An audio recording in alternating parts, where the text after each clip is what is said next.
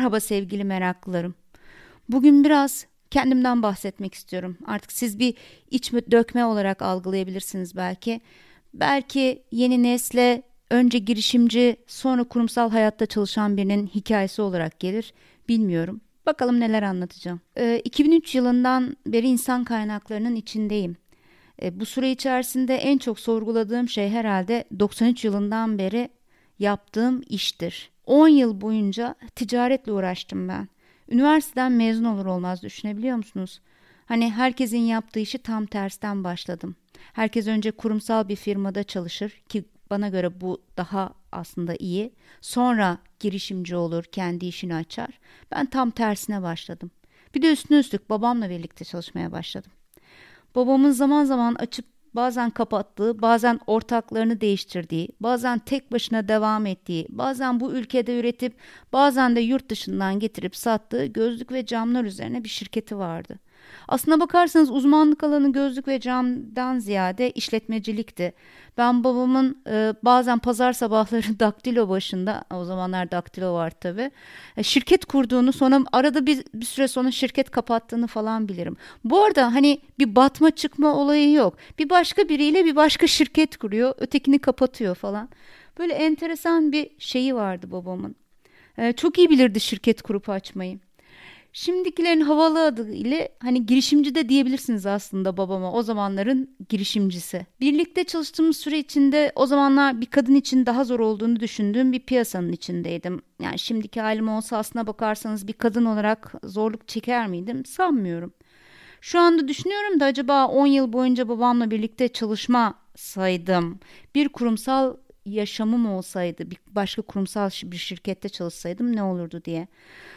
Aslına bakarsanız 28 yıllık iş hayatında 10 yıl boyunca kendi işimi yapıp 18 yıl boyunca da kurumsal e, bir şirkette çalışmaya başlayınca ikisini de rahatlıkla karşılaştırabileceğim bir döneme geldim şu anda.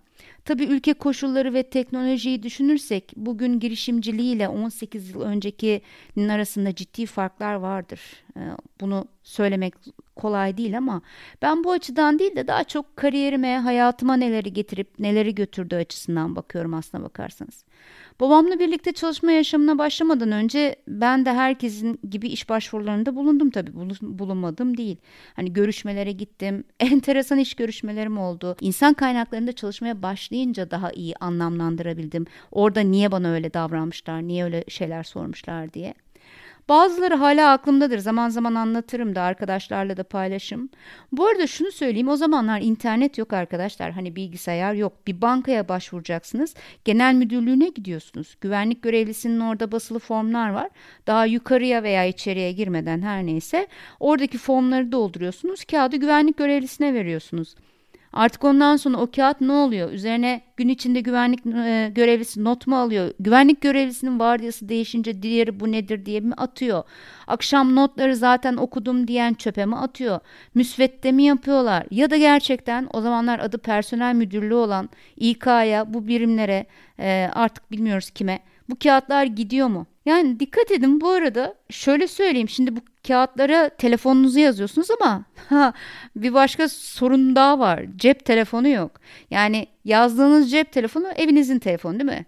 Tamam güzel o zaman yazlığa gitmek, halanıza gitmek, işte ne bileyim bir arkadaşınızda kalmak gibi durumlarda eğer evde de birileri yoksa e, size dönüş yaptıklarında siz yoksunuz. Bildiğiniz iş başvurusu yaptığınızda öyle kafeler mafeler gezmeyeceksiniz. Evde oturacaksınız. Sabit telefondan sizi arayacaklar. E tabi o sırada diyelim ki tamam anneniz falan evde not aldı. Kardeşiniz evde not aldı. Artık o notlar nasıl geliyor? Aklınız hayaliniz durur. Yani ben insan kaynaklarına ilk başladığımda bu tür bir şeyde masanın arka tarafındaydım. Gerçekten anneler falan e, vermiyor çoğu zaman ya da unutuyorlar. Bir yere yazıyorlar, yamuk yumuk yazıyorlar. Çocuklar dönemiyor falan. Yani o zaman hani bu birbirimize ulaşma kısmı adayla e, işte İK diyeyim şimdi çok zordu. Yani böyle böyle bankalara başvurduğumu hatırlıyorum ama içimden hiç bankalara e, başvurmuş olmak geçmiyordu. Yani birileri işletmeyi bitiren nerede çalışır? Bankada çalışır demiş bize. Biz de arkadaşlarım da var hatırlıyorum deli gibi bankalara başvuruyoruz. Ben daha çok reklamcı olmak istiyordum. Yani hala o sırada da böyle aklımda hani bir şeyler tasarlayayım yapayım yaratıcılığımı kullanayım diye e, dert edinmişim onun farkındayım ama hani şimdikiler de çok güzel söylüyorlar. Eş yok dost yok tanıdık kimse yok. Nerede reklamcılık? Yani etrafımda reklamcılıkla çalışmış ilgili çalışmış kimse yok. Şimdikiler söyleyince ben buna kızıyorum. Çünkü o zamanlar bana yol gösterecek öyle hani mentorlar koçlar okullarda danışman hocalar. Ondan sonra LinkedIn'den insanları tanıyayım. İşte sosyal mecralardan hangi şirketlerde ne açık var? Pozisyonlar açılmış. Hangi ilan ilanlar var bunlara bakayım bunlara başvurayım falan yok. Sarı sayfalar var. Bazılarınız anlamıştır ne demek istediğimi gülünce. Bir de gazetelerin iş ilanı kısımları var. Oradan arardık, başvururduk. yani neyse onlar da hakikaten ne günlerdi. Yani bütün bu şartlar dahilinde baktığınızda yani bankalara giren arkadaşlarım oldu. Orada çok iyi yerlere gelenler de oldu. Ben de bir şekilde Dedim ki yani banka bir türlü ayağım çekmiyor ya ve bankadan başka da iş yok ya hani sektör yok ya. Ailem de beni çok e, o sıralarda yönlendiriyordu. Yani ben direniyordum ama e, babamla birlikte çalışmaya. Yani bilmiyorum hani babamla birlikte çalışmak nasıl bir duygu e, şu anda hatırlamıyorum ama yani iş konusunda kavga eder miydik? O bana bir şey dikte ettirmeye çalışır mıydı? Gerçekten o kadarını hatırlamıyorum. Hep aklımda kalan babamla ilgili iyi şeyler çünkü. Ama yani insanın düşünsenize e, yani işte okuldan mezun olmuşsunuz. Yani bir iki böyle bir iş denemesi olmuş ama zaten onlar hakikaten hani e, bir şirkette bir iş nasıl yürüyor öğreneyim şeklinde olan şeylerdi.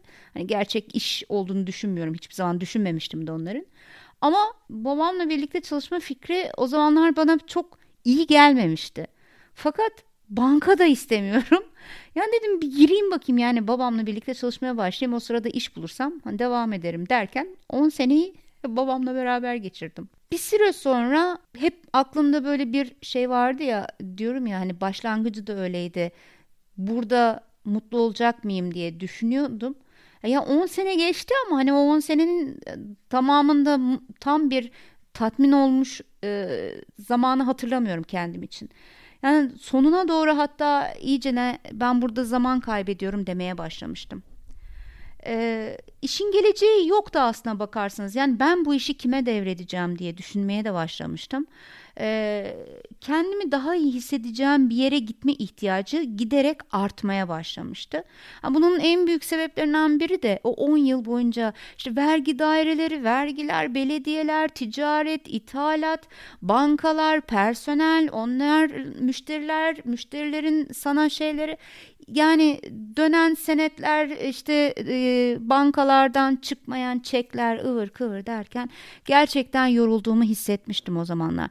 Aslına bakarsanız bir işletmenin olabilecek tüm sorunlarını tek başıma hissediyordum. 33 yaşındaydım ve dedim ki ben artık bu işi bırakacağım. Tabii bunu babama söylemek çok zor oldu. Yani çünkü o da artık yaşlanmıştı. Yani bunu nasıl kaldıracak? Hani onun hayalinde de kendisinden sonra birine bırakma vardı. Hani o kendinde rahattı tabii benden sonra birisi var ona bırakıyorum. Fakat ben ne yapacağım? O, o günlerde bunu çok sorgulamıştım. Yani benim en çok aklımda kalan e, ben o işi bırakacağımı babama nasıl söyleyeceğim kısmıydı.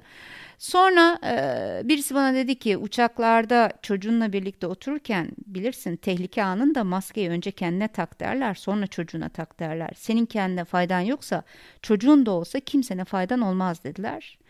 O söz beni harekete geçirdi. Babamla konuşmak kolay olmadı ama konuştuğumda da beni anlayacağını düşünüyordum. Yani onunla ilişkimiz gerçekten güzel bir ilişkiydi.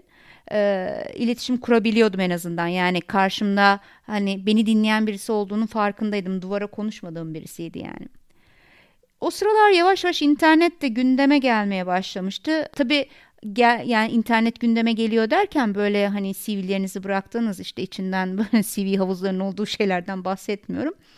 Hala e, insan kaynakları diyeyim o zamanlar analog devir devam ediyordu. Yani bazı firmalar büyük bir atılım yapıp web sitelerinde insan kaynaklarının mail adreslerini koyuyorlardı.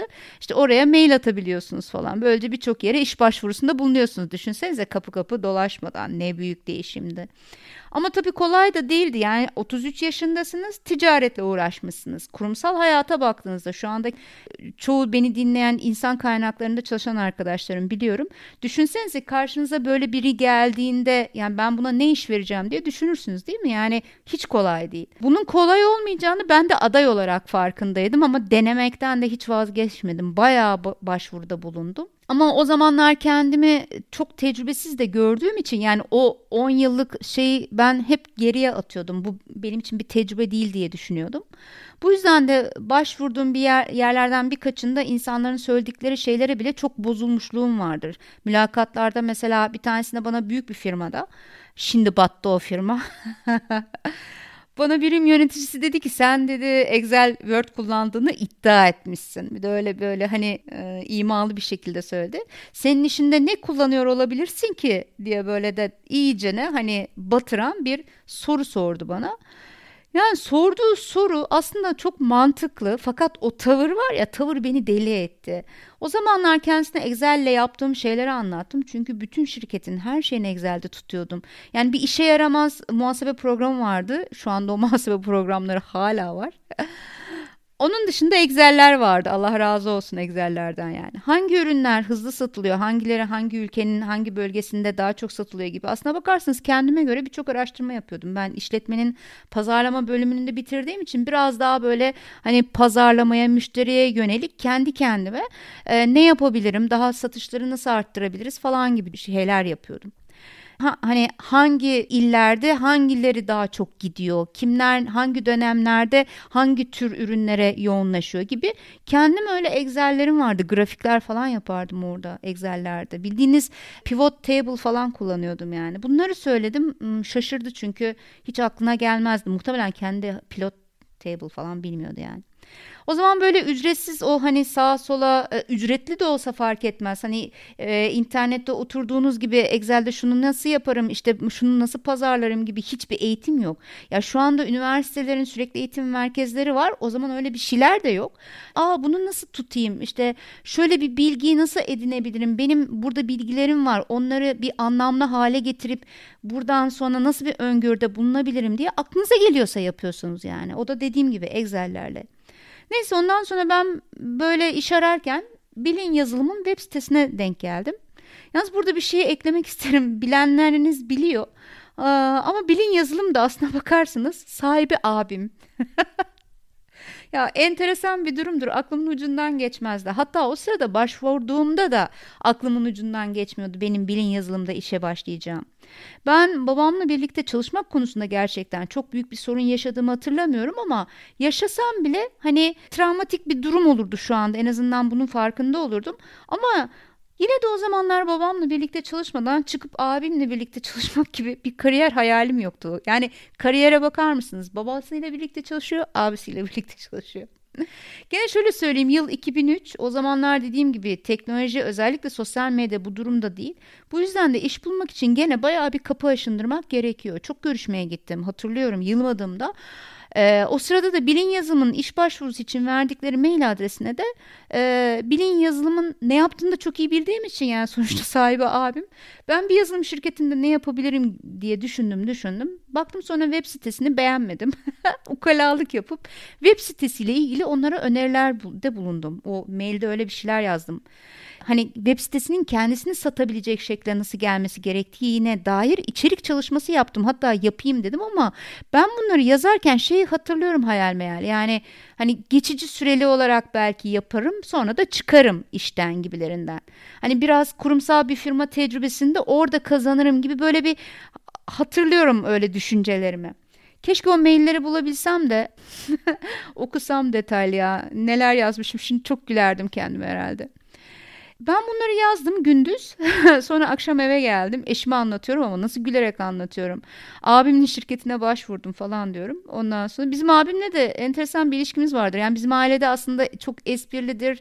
Ondan sonra gülmeyi severiz. Eşime de anlatırken iş, burusu, e, iş başvurusu yaptığımı anlatırken kahkahalar atarak abim düşünsün şimdi falan dedim. Ee, sonra o sırada telefon çaldı abim arıyor. Ya sen bana iş başvurusunda bulunmuşsun.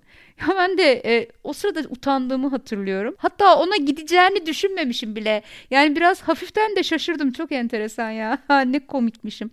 Evet sen onu okudun mu dedim. O, o bu arada da utandım. Tabii konuşamıyorum falan. Çünkü bir de şey de var. Benden bir şey istemek, birisinden bir şey istemek de benim için inanılmaz rahatsız edici bir şey. Bunu hala yaşıyorum. Ee, hele bu aile üyelerinden olunca daha beni rahatsız ediyor. Bilmiyorum hani sebebini. Ya evet dedim yani internet sitenizi beğenmedim. Onun için önerilerim olmuştu falan dedim. Geveleye geveleye. Eğer gerçekten düşünüyorsan gel de konuşalım dedi. Böyle saat hani akşam 7 gibi falan ama o zamanlar da Bostancı'da oturuyorum. Ee, havada inanılmaz soğuk kar yağışı falan başlıyor. İşte gece çok kötü kar yağacak falan diyorlar. Abim de Nişantaşı'nda. Hava nasıl soğuk? E, dedim ki yani oraya geleceğim ama geri dönüşüm de zor olur. O zaman geldiğimizde ben sizde kalayım. Yani düşünsenize adam patrondan iş istiyor bir de evinde kalacağım falan diyor. Yani ne yapayım ama Bostancı'dan Nişantaşı'na git orada gece hani belli bir süre otur oradan sonra tekrar gel sabah sonra tekrar işe işim de Sirkeci'de oraya gidiyorum. E, bu tür şeyler hani yollar kapanırdı İstanbul'da kar yağdığında e, biliyorsunuz Almanlar daha yeni yeni kıskanmaya başlamıştı bizi. Tamam o zaman dedi ona göre gel yani hazırlıklı gel. Biz de eşimle kalktık gittik Nişantaşı'na. İşte uzun uzun konuştuk ben orada ne yapabilirim babamla bu konuyu nasıl konuşuruz. Abi kardeş patron çalışan ilişkisini yürütebilir miyiz? Yürütürsek nasıl yürütürüz? Ne bileyim şirkete girdiğimde şirket çalışanlarının bu konudaki şey nasıl olur? Yani e, düşünsenize e, akrabayla çalışıyor. Akrabadan da öte ya. Yani aileyle çalışıyorsunuz. Patronunuz abiniz, ötekinin kardeşi, e, kardeşi orada. Yani e, bu ilişkileri yürütmek işte e, ne bileyim bir patron olarak kardeşine e, işte müsamaha göstermemesi gerektiğini düşünen bir patron var. bir abi var karşımızda. Onun için bayağı bir acı çektim. Yani herkesten e, tüm her şeyim çok daha düşük seviyedeydi. Neyse. Tüm bunları masaya yatırdık biz. Ee, ben o, e, işte o maili atarken gerçekten bunun bu derece ciddiye varacağını düşünmemiştim. Ee, ve iş değiştirmeye karar verdim. Yani benim hayatımın kararları da genelde çok hızlı olur. Bu konuşmayı yaptıktan sanıyorum bir hafta sonra Cuma günü babamla vedalaşıp Pazartesi günü abimle sıkıştım. Şimdi sorsanız kendi şirketine sahip olmak mı, kurumsal bir firmada mı çalışmak diye yani her ikisinde de iletişiminizin çok iyi olması gerektiğini biliyorum. Her ikisinde de maskelerinizin olması gerektiğini biliyorum. Bu maskeleri ne olur yalan söylemek, olmadığın kişi gibi davranmak gibi düşünmeyin. Maskeden kastım en kötü gününüzde bile olsanız bunu hiç hissettirmeden orada olmak zorunda olduğunuz. Yani benim için anlamı bu. Müşteri ya da personeli ona göre yönetebilmeniz yani... E, işte hani moodunuz diyeyim şimdiki söylemle. Hani onu yönetebilmek önemli. Aslına bakarsanız hepsinde aynı. Yani kendi işinizin olması bir yerde kendi kararlarınızı vermeniz, kendi yol yönteminizle ilerlemeniz. Güzel bir şey. Tatmin duygusu inanılmaz yüksek ama bir o kadar da bu tatmin duygusu ne kadar yükseliyorsa zorluğu da o derece artıyor. Hatta belki zorluğu daha da fazla artıyor olabilir. Çünkü aldığınız kararların sorumluluğu çok çok yüksek. Bazen hatta batacak mıyım, çıkacak mıyım diye kararlar almak zorunda bile kalabiliyorsunuz. Ama kurumsal yaşamda hele büyük bir şirketteyseniz hepimiz biliyoruz yani bunu inkar etmenin gereği olduğunu düşünmüyorum. Kalabalığın içinde kaybolmak çok kolay. Sorumluluğun dağılması, sorumluluğun yayılması değil mi? Hepimiz biliyoruz bunları. Bunlar insana rahat ettiren, konfor alanını daha da konforlu hale getiren faktörler. Hele bir de şirketinizin ismi varsa yani dünyaya hadi bırakın dünyayı Türkiye'ye ismini duyurmuşsa şirketin adından aldığınız güç var sanki birçok şeyin altından kalkabileceğiniz hissini yarattırıyor size. Sizi fazlasıyla özgüvenli, sizi fazlasıyla yeterli hissettiriyor. Yani ta ki bir gün kendi işimi yapacağım deyip o şirketten ayrılana kadar. Yani genelde bu özgüven ve yeterlilik hissiyle ayrılıyoruz zaten o kurumsal firmalardan. Kendi işimizi yapabileceğimizi, ben bu kadar çalışıyorsam patrona niye çalışayım, kendime çalışıyorum diye ayrılıyoruz. Ancak Eğer işinizin hem muhasebecisi, hem satışçısı, hem pazarlamacısı, hem müşteri ilişkileri, hem ürün kalitesini, hem ürünü geliştiren, ne bileyim satan, alan, bankalarla ilişki kuran, ithalatını yapan, ihracatını yapan artık ne yapıyorsunuz? Lojistiğini e, düşünen siz olacaksanız devlet kurumlarıyla yasal süreçlerle baş edebileceğinize, tek başınıza baş edebileceğinize inanıyorsanız o zaman kendi işinizin sahibi olmamak için hiçbir neden yok. Yani dediğim gibi bu tür bir tatmin duygusu yaratıyor insanda ama aldığınız kararları e, burada kimseye yükleyemiyorsunuz. Bu biraz bir şey yalnızlık duygusu var aslına bakarsanız. Yani o sorumluluğu başkasına yükleme lüksü de başka bir şey arkadaşlar. Kısa süreliğine bile olsa yani. Büyük kurumlarda bir yerden varsa hedeflediğiniz bir yere ulaşmak için yapabilecekleriniz belli. Biliyorsunuz. Hatta hele şimdiki zamanlarda bunun için size yol gösteren işverenler de oluyor değil mi? Bir sürü kariyer sistemleri, yetek, yetenek yönetim sistemleri kurguluyorlar. Her zaman kurumsal hayatta var olma savaşının bir girişimci olmak, orada verdiğin savaştan çok daha kolay olduğunu düşünmüşümdür. Evet ben de 33 yaşında kurumsal hayata geçtim. Orada dönem dinamikleri, göz ardı etmem gereken parametreleri, insanların davranış biçimlerini, benim ne tür davranışıma, ne tür tepki verebileceklerini, neyi nasıl algılayacaklarını, o algıları onların nasıl yöneteceğini, ona göre ben bunu düşünüp, öngörüp, kendi algılarımı ve onların algılarını nasıl değiştirebileceğimi, yönlendirebileceğimi öğrenmem gerekti. Bu hiç kolay olmadı tabii. Elbette çok sancılı süreçler geçirdim. Bırakmak istediğim zamanlar oldu. Yapamıyorum herhalde diye düşündüm. Direndim, tekrar ayağa kalktım, yine düşündüm. Ta ki kendime yeni hedefler koyana kadar yani hayatımı nasıl yaşayacağımı, nasıl davranacağımı, nasıl tepki vereceğimi, kendimden başka kimseye sorumlu olmadığımı ancak İşimle ilgili tüm sorumlulukların ise sadece benim olduğunu, hesap veremeyeceğim hiçbir işin altına imza atmak zorunda olmadığımı öğrenene kadar. Ondan sonrası hakikaten daha kolay oldu. Tabii bütün bunların üstüne uzmanlığınızı koymanız çok çok önemli. Uzmanlık otoritesinin her zaman diğer tüm otoritelerin üstünde olduğunu düşünen biriyim. Alanınız hakkında tüm yönleriyle elbette ki yüzde yüze ulaşmanız mümkün olmayacaktır ama mümkün olduğunca fazla bilgi sahibi olmak, Tüm o bilgileri bir araya getirebilmek, birkaç disiplinle birlikte çalışabilmek size her zaman daha güçlü kılan bir şey. Yani daha yaratıcı kılıyor sizi. İşte bu nedenle her zaman önerim ister girişimci olun, ister kurumsal bir şirkette çalışın. Kendiniz biraz olsun önemsiyorsanız kendinizi alanınızla ilgili olabildiğince geniş, benim bilgi ekosistemi dediğim o konuyla ilgili yanında, yöresinde, çevresinde ne konular varsa hepsi hakkında bilgi sahibi olmaya çalışın. Sürekli genişleyin, geliştirin. Uzman olduğunuz zaman size duydukları saygı, inanın çok büyük bir firmada çalışıyorum dediğinizde duydukları saygıdan çok çok farklı olacaktır. Yani bunun tatmini çok farklı olacak ayrı. Karşınızdakinin size gösterdiği saygının çeşidi çok farklı olacak. Evet nereden nereye geldim öyle.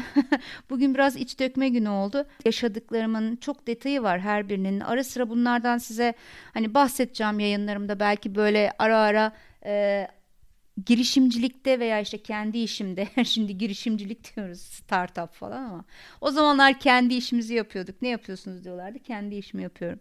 Kendi işimi yaptığım sıralarda ki kazandıklarımın sonra kurumsal hayatta beni nasıl beslediğini gördüm. Hani e, bunun sonradan fark ettim. Onlarla ilgili de zaman zaman paylaşımlarım olacaktır. Dinlemek istemeyenler bu programı atlayabilir ama umarım sizi bugün fazla sıkmamışımdır. E, görüşmek üzere. Hoşçakalın